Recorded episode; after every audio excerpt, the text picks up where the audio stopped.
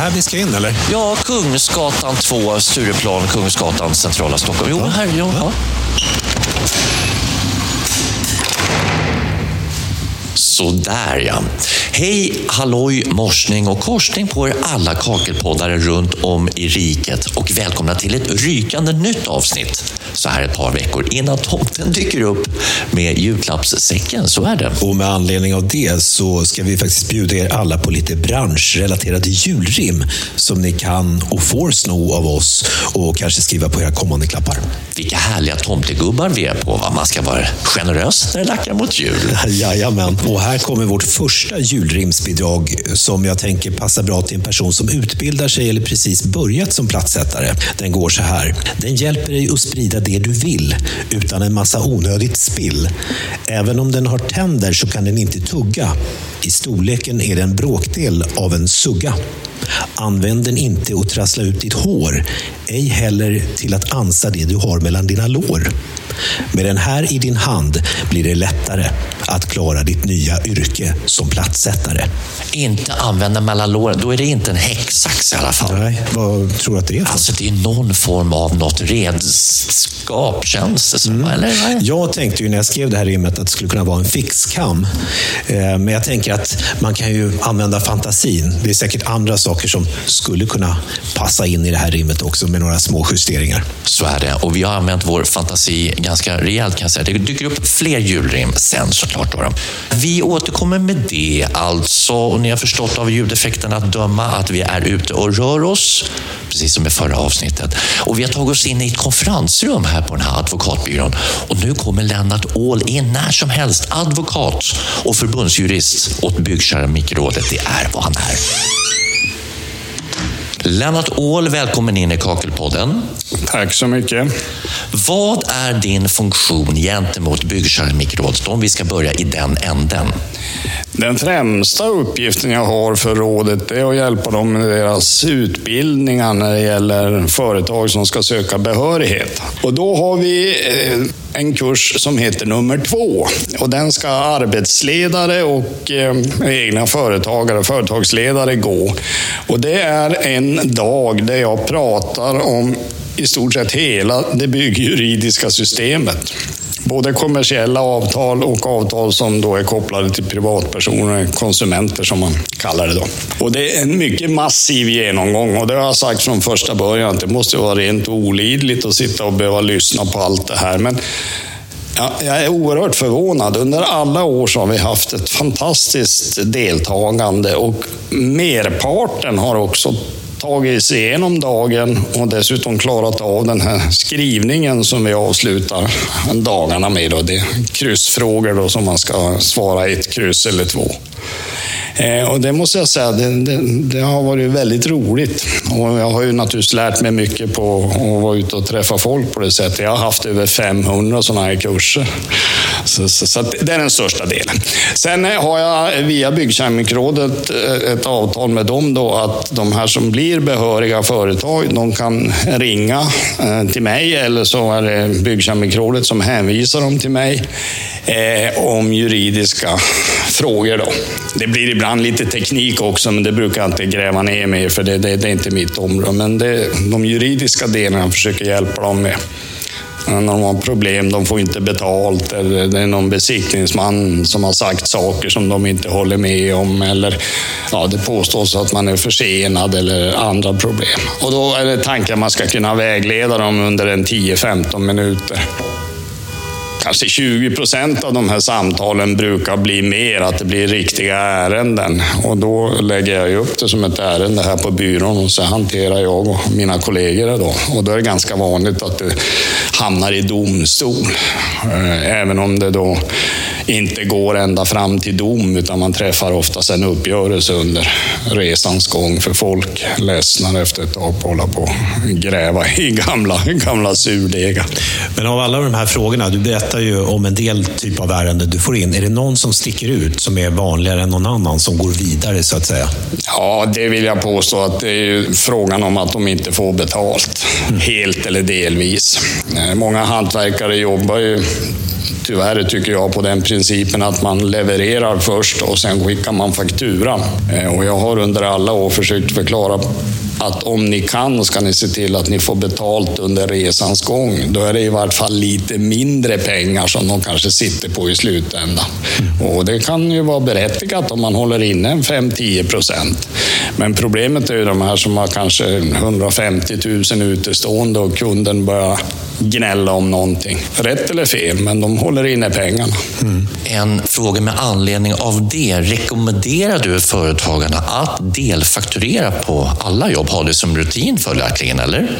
Ja, det gör jag. Sen är det naturligtvis upp till var och en att avgöra om det behöver göra det i, i de här riktigt små arbetena och så vidare. Men det är en rekommendation för mig. För det är enda, enda förhandlingsläget man har att ta till. Att om inte jag får betalt så fortsätter jag inte att jobba. Och då hamnar ju kunden lite grann i ett läge att eh, de vill inte ha ett halvfärdigt utrymme utan de vill ha ett som fungerar.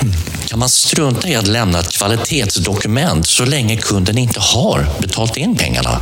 Min uppfattning är ja. Här har Byggkeramikrådet som branschorganisation en annan uppfattning och det har jag all respekt för. De tycker inte att man ska så att säga tjuvhålla på kvalitetsdokumentet. Men jag menar att kvalitetsdokumentet är en del av arbetet. Precis som att man ska sätta tätskikt och eh, plattor och, och andra grejer. Så ska man också lämna över det här. Och är man då i en situation att kunden har deklarerat att jag tänker inte betala då menar jag att då kan man avvakta med att lämna över det här dokumentet.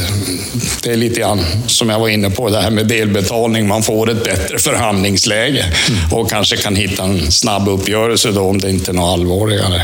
Eh, problem som har dykt upp. Jag kan inte riktigt släppa det här med att eh, en kund kanske inte betalar. Eh, har du något tips där som du tycker att man ska ta till innan man går vidare rent juridiskt? Det ska man ju definitivt fundera för att om man drar igång en process och sen visar det sig att man kanske inte riktigt har, har koll på läget så kan det ju bli dyrt för då får man betala både egna och motpartens kostnader.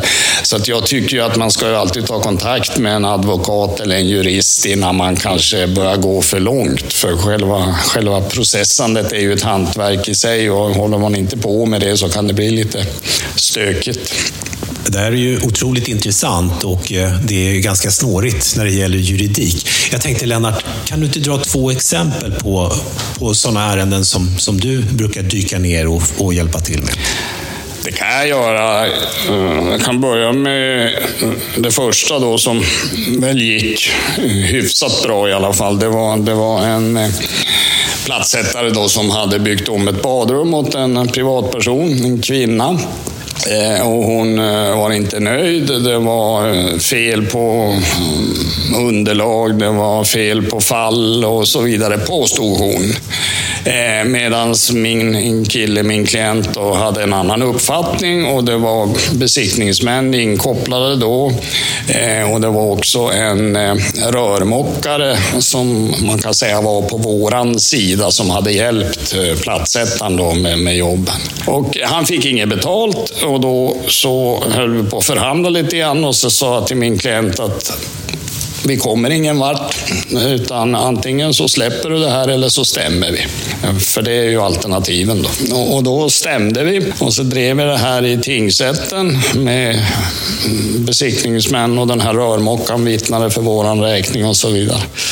Och tingsrätten kom då fram till att nej, det här var inget bra det han hade gjort och hon har rätt att hålla inne pengarna så han fick inte en, en, en, en krona då i tingsrätten. Mm. Men, men jag och han naturligtvis höll inte riktigt med om hur tingsrätten hade sett på det här så vi sökte då som det heter prövningstillstånd och fick upp det i en av våra hovrätter. Och så kördes det i hovrätten. Och där intog man en annan inställning så då fick eh, min eh, klient i vart fall hälften av det han ville ha. Och sen delade man på rättegångskostnaderna då, så att eh, det blev då ett hyfsat utfall. Sen tyckte nog jag kanske att det var, det var lite för lite pengar att hålla på och lägga ner så här mycket tid och energi. Men, men har man börjat så kan man ju inte bara lägga av då, utan då måste man ju hitta en uppgörelse eller vänta på en dom. Mm. Det andra fallet, det var en eh, butikslokal där, där mina klienter då hade, hade lagt golvet och eh, fastighetsägaren då, eh, som hyrde ut den här lokalen till, till, till ett, ett företag som sålde prylar, han var väldigt, väldigt missnöjd. Men Missnöjet var nästan enbart fokuserat på det estetiska, alltså på utseendet. Det var lite sprickor eh, i plattorna beroende på att man från beställarsidan hade valt en platta som var känslig. Det var lite fogar som var, var smutsiga och lite eh, olika bredd och, och, och så vidare. Och det här målet körde vi då för att eh, fastighetsägaren höll inne då väldigt mycket pengar. Betydligt mer än vad mina klienter ansåg var rimligt. De var beredda att släppa en liten del, men han höll in flera hundratusentals kronor. Så då var det inte så mycket att göra där heller. Vi stämde och eh, tingsrätten lyssnade intresserat. Vi höll på i två dagar eh, och då var det också tekniker på båda sidor. Men där gick det tyvärr inte nå vidare för min klient heller.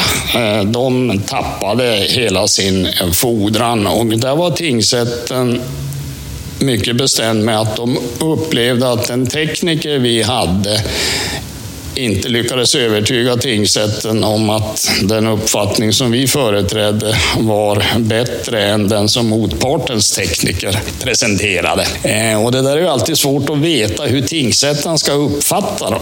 När man är inne lite i branschen så kanske man läser teknikerna på ett visst sätt, men de här domarna, de kanske har ett eller två sådana här mål per år. Då. De kör skilsmässor och brottmål och annat eh, resten av tiden. Och där hade jag nog rekommendera min klient att gå vidare och försöka få upp även det här i hovrätten. Men det ville man inte. Man var så trött på den här historien så att eh, det, det stoppade där. Ja, det var ju ett ordentligt nederlag gissar jag för honom. Eh, vad skulle du säga, är det många fall som, som är svåra att, att få igenom i hovrätten? Att vinna så att säga till ens fördel? Eller? Alltså när man tittar på byggmål så är hovrätten eh, och även Högsta domstolen då, dit man kan gå ut om man ska upp ytterligare ganska pigga på att släppa upp byggjuridiken eh, till prövning. För det, det, finns inte så väldigt mycket avgöranden. Men fortfarande krävs det att man kan argumentera för att man tycker man har gjort någon felbedömning eller missuppfattat eller något sånt där. Det som är problemet med byggmålen är att det blir oftast väldigt mycket teknik. Jag är lite nyfiken om vi backar tillbaka till exempel nummer ett, där de delade på rättegångskostnaden. Kan man få fråga hur mycket pengar det handlar om egentligen? Ja, jag kan inte ge ett exakt belopp, men i det här fallet så var nog den totala rättegångskostnaden uppåt nästan en halv miljon. Jösses, det är jättemycket. Ja, det är det. Och det är ju det som är problemet. Därför att det som kostar är ju vittnen, men framförallt vi advokater. Vi tar ju ganska bra betalt per, per timme när vi jobbar. Ja, då har ju både företagare och även privatpersoner har i sin hemförsäkring, företagarna har i företagsförsäkring, ett rättsskydd. Och hamnar man då i en, i en tvist, och man behöver inte hamna i domstol, det räcker med att man bråkar om en faktura, så kan man vända sig till en advokatbyrå, en advokat, så kan man se till att det här rättsskyddet aktiveras.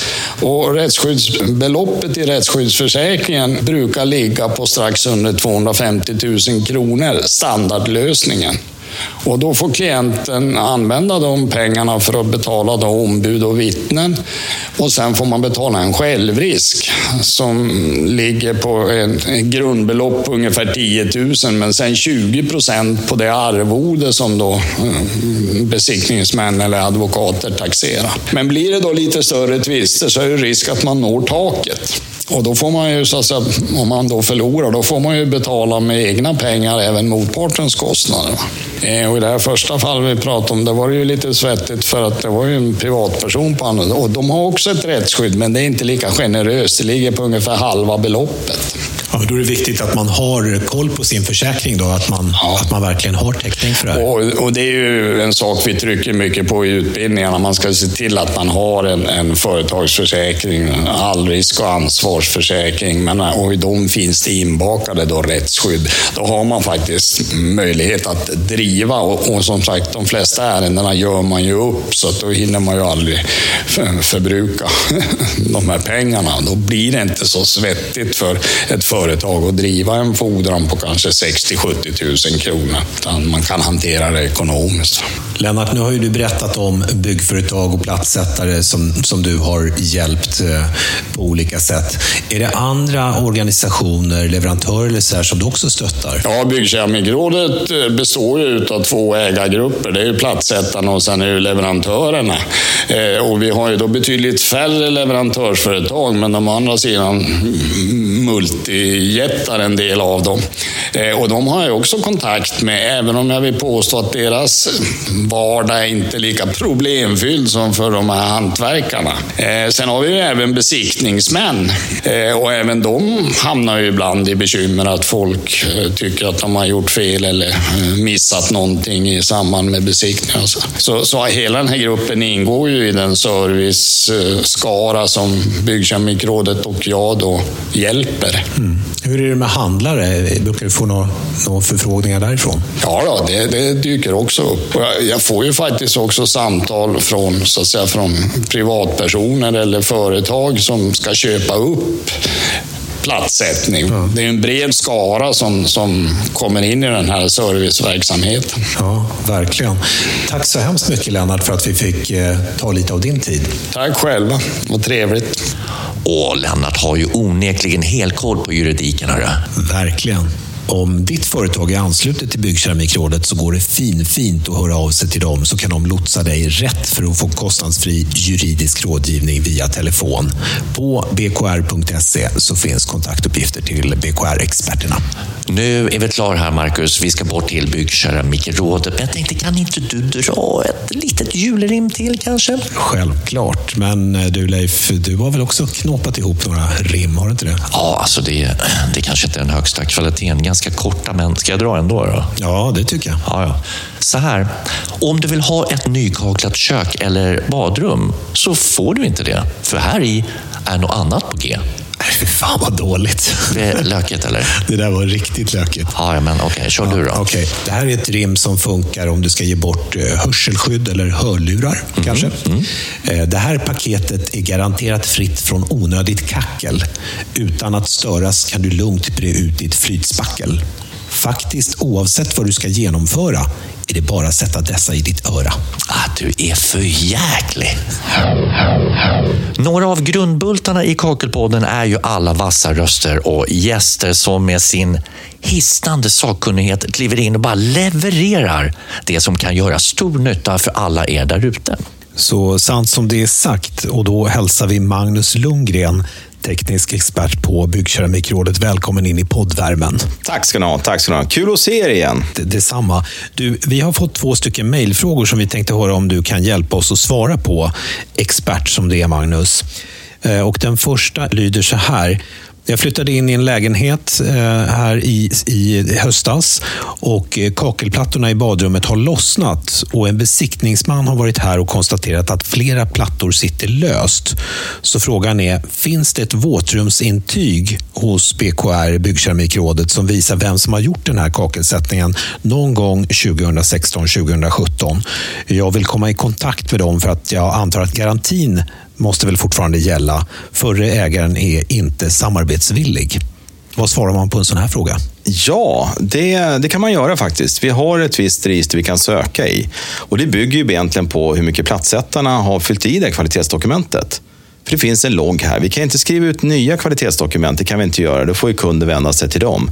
Men i det här fallet så eh, har ju kunden då vänt sig till platssättaren, inte samarbetsvillig, eller då till tidigare ägaren. Och då blir det ofta de här diskussionerna som är, liksom, finns det något? Eller en god vän, eller granne, eller gjordes det här badrummet vid sidan om? Och då utfärdas ju inga kvalitetsdokument. Då är det fara och färde. Liksom. Då, finns det, då kan det vara renoverat fackmannamässigt, men dock inget liksom ett värde. Där kommer kvalitetsdokumentet in som en värdehandling i det här. Mm. För det finns ett ansvar i det här när man utfärdar kvalitetsdokumenten. Och det är mycket sådana frågor vi får just på rådet. Konsumenter som undrar, är den platsättaren behörig eller finns det kvalitetsdokument på det tidigare då? Och oftast är det vid ett ägarskifte som det här dyker upp hos oss. Då kommer de här fram, för då frågar mäklaren, när gjordes badrummet? Ja, det är nyrenoverat. Och då är frågan ofta, är det, är det ytskiktsrenoverat eller är det verkligen renoverat? Mm. Många gånger så har ju kunden bara liksom satt kakel på kakel. Okay. Och det är helt okej. Okay. Är det nyrenoverat och du bara liksom ska sätta nytt ytskikt på det gamla så fungerar det utmärkt. Om man jobbar då enligt leverantörens anvisningar, som vi ofta säger då, så kan det vara okej. Okay. Men det är ingen badrumsrenovering i den bemärkelsen. Mm. Och då utfärdas ju inget kvalitetsdokument, för det är ju inte renoverat. Men om man då har renoverat det, med att man bytt golvbrunnar eller VVS, nya installationer, alltså gjort en total renovering, ja men då är alla anslutna liksom med, eller våra medlemsföretag, platsättarna, då utför man kvalitetsdokument och då finns det ju det. Då är det öppet. Mm. Inga dolda fel eller ingenting som är liksom gömt i skymundan. Därför är det viktigt med kvalitetsdokumentet. Mm.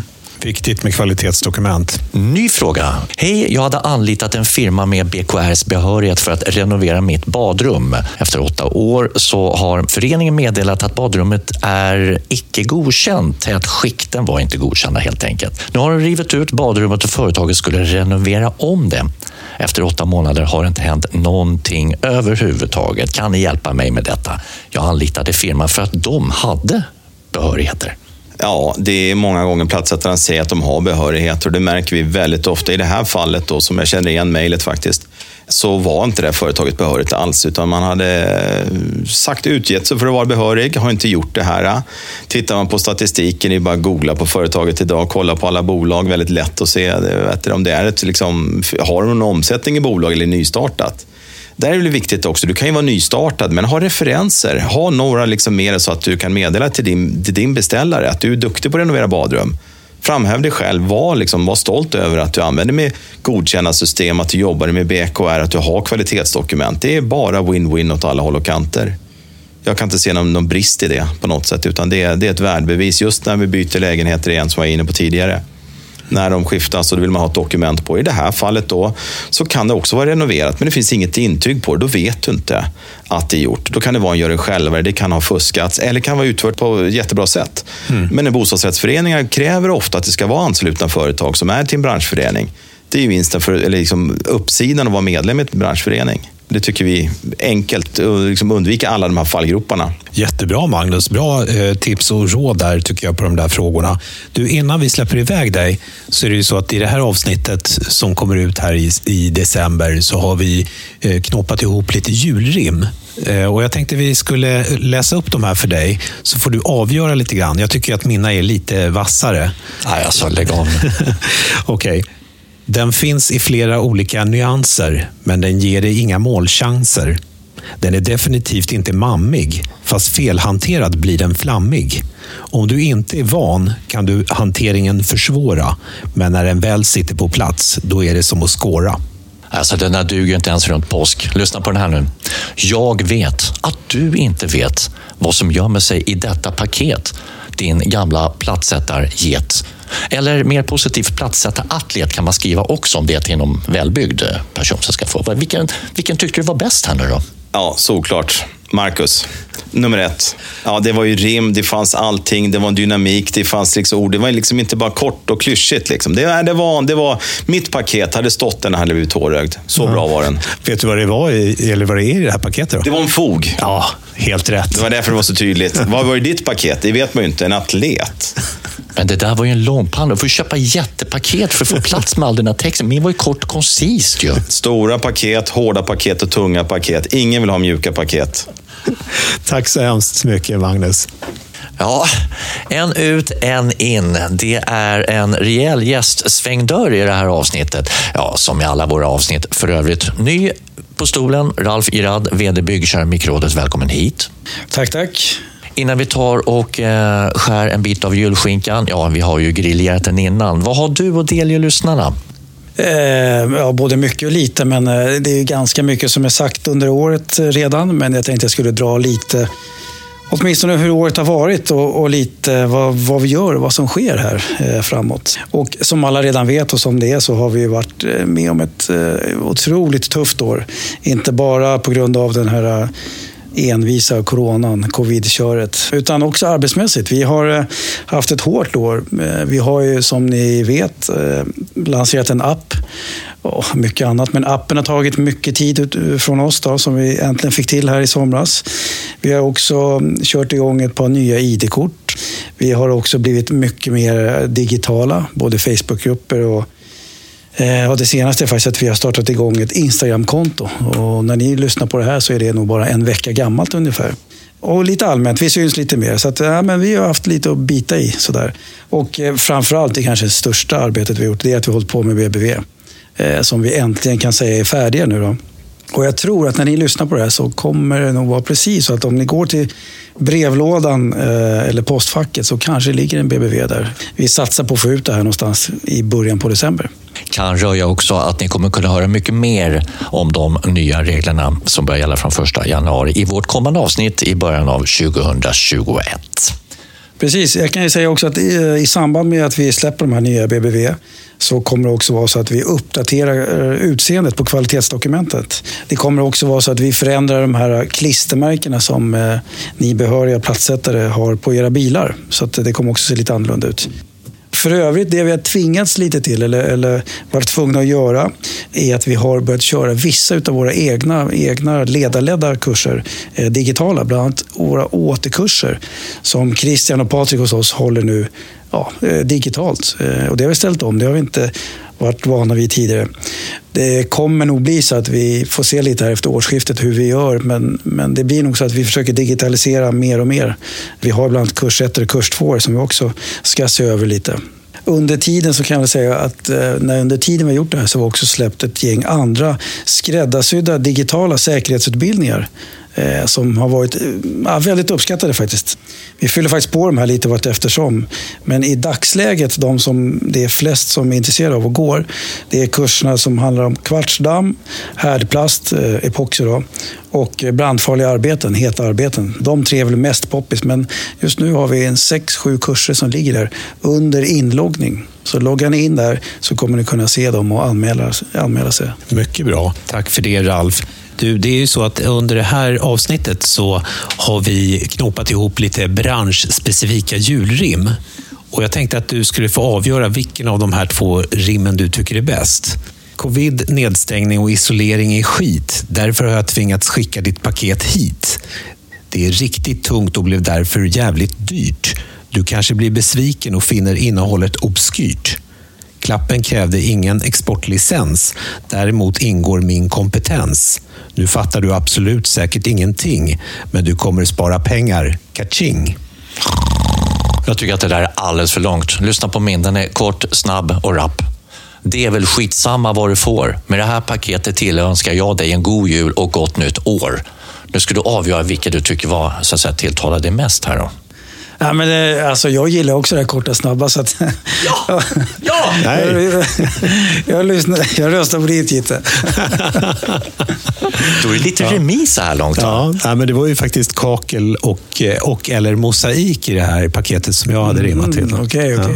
Jag hade aldrig kunnat gissa vad det var. ja, stort tack Ralf. Och då får vi från Kakelpodden här passa på att önska dig god jul. Ja, tack. Och tack detsamma till alla er och även er lyssnare. Då tar vi ett efterlängtat liv över till veckans kompis. Och den här gången så är det en herre bosatt uppe i Örnsköldsvik. Arbetar där som arbetsledare på Peab. Men i grund och botten är han plattsättare och murare. Han heter Johan Nilsson. Jag har en kompis som eh, har varit med mig på stambyten en hel del. Och, eh, det är så här att han eh, höll på att suga ut bilningsmassor som vi har bilat ut. Och då använde vi en stor saneringssug. Ganska otymplig, knövlig gummislang som är 150 centimeter i diameter. Han hade sugit färdigt i badrummet och var på väg ut och skulle tråckla ut den där, men han hade inte stängt av den så att han gick ju för fullt. Och då eh, baxade han på med den där jädra slangen och så skulle han gå förbi skohyllan. Då helt plötsligt så ser han ju att en foppatoffel reser upp på högkant och så, ja, han sög upp en helt enkelt. Så gick ett tag, så jag satt inne i fikarummet. Då kom han in och så säger han, eh, du fan Nilsson, nu har jag gjort något lite halvdumt. Ja, vadå? Fan, jag sög upp en foppatoffel. Ja, jag skrattade väl till lite. Och eh, tyckte väl att det, ja men, det är väl bara att kolla vad, vilken storlek det är. Så köper vi en ny. Ja, då började han flacka med blicken och så tittade han lite på mig så här jävligt suspekt. Och då säger han bara, eh, nej. Ja, vadå nej? Ja men, eh, vad fan ska hon ha en foppatoffel till? Ja, det är klart. Han tänkte ju att eh, jag undanröj bevisen. Så han tog eh, andra foppatoffeln också. Så det var ju lite lustigt. Hej tomtegubbar, slå i glasen och låt oss lustiga vara. Nej. Hej Hörru, tomtegubbar. Vi behöver inte sjunga några julvisor. Däremot så har vi fortfarande två rim kvar som vi ska dra. Lyssna på den här. Så är det. Lyssna här. Detta är en slags tapet som kan fästas fast med smet. Vatten kan du på den stänka, ja du kan den nästan dränka i det rum du brukar låsa när du lättar på din blåsa. Åh, det är sån hög fyndfaktor där. Den här då, mönstra och designa som du vill. Nu kan drömköket göras till. Vatten är massor dessa tål. Man kan nästan tro att de är gjorda av stål. Ja, det där var nog den, din bästa skulle jag säga. Alltså, vi har rimmat så mycket i det här avsnittet så jag börjar få ont i främre hjärnhalvan. Ja. Någonting som kan vara bra att känna till om ni behöver komma i kontakt med Byggkeramikrådet, det är att eh, de har öppet alla helgfria vardagar mellan jul och nyår. Mm, så är det. Så det är bara att ringa om ni har några frågor, tankar eller funderingar eller skicka mejl på info.bkr.se. Och den adressen kan ni ju faktiskt använda också om det är något särskilt ni vill att vi tar upp här i Kakelpodden. Det kan vara en fråga eller ja, eh, precis vad som helst egentligen. Och då bommar vi igen Kakelpodden för i år och glöm inte att vara snälla mot varandra. Och vi kommer vara jättesnälla nästa år, för vi dyker upp med ett nytt grymt avsnitt i januari alla redan. Jajamän, och det är dags för oss att slå igen det här avsnittet. Så vi säger som plattisen Janne. Så att platta sitter.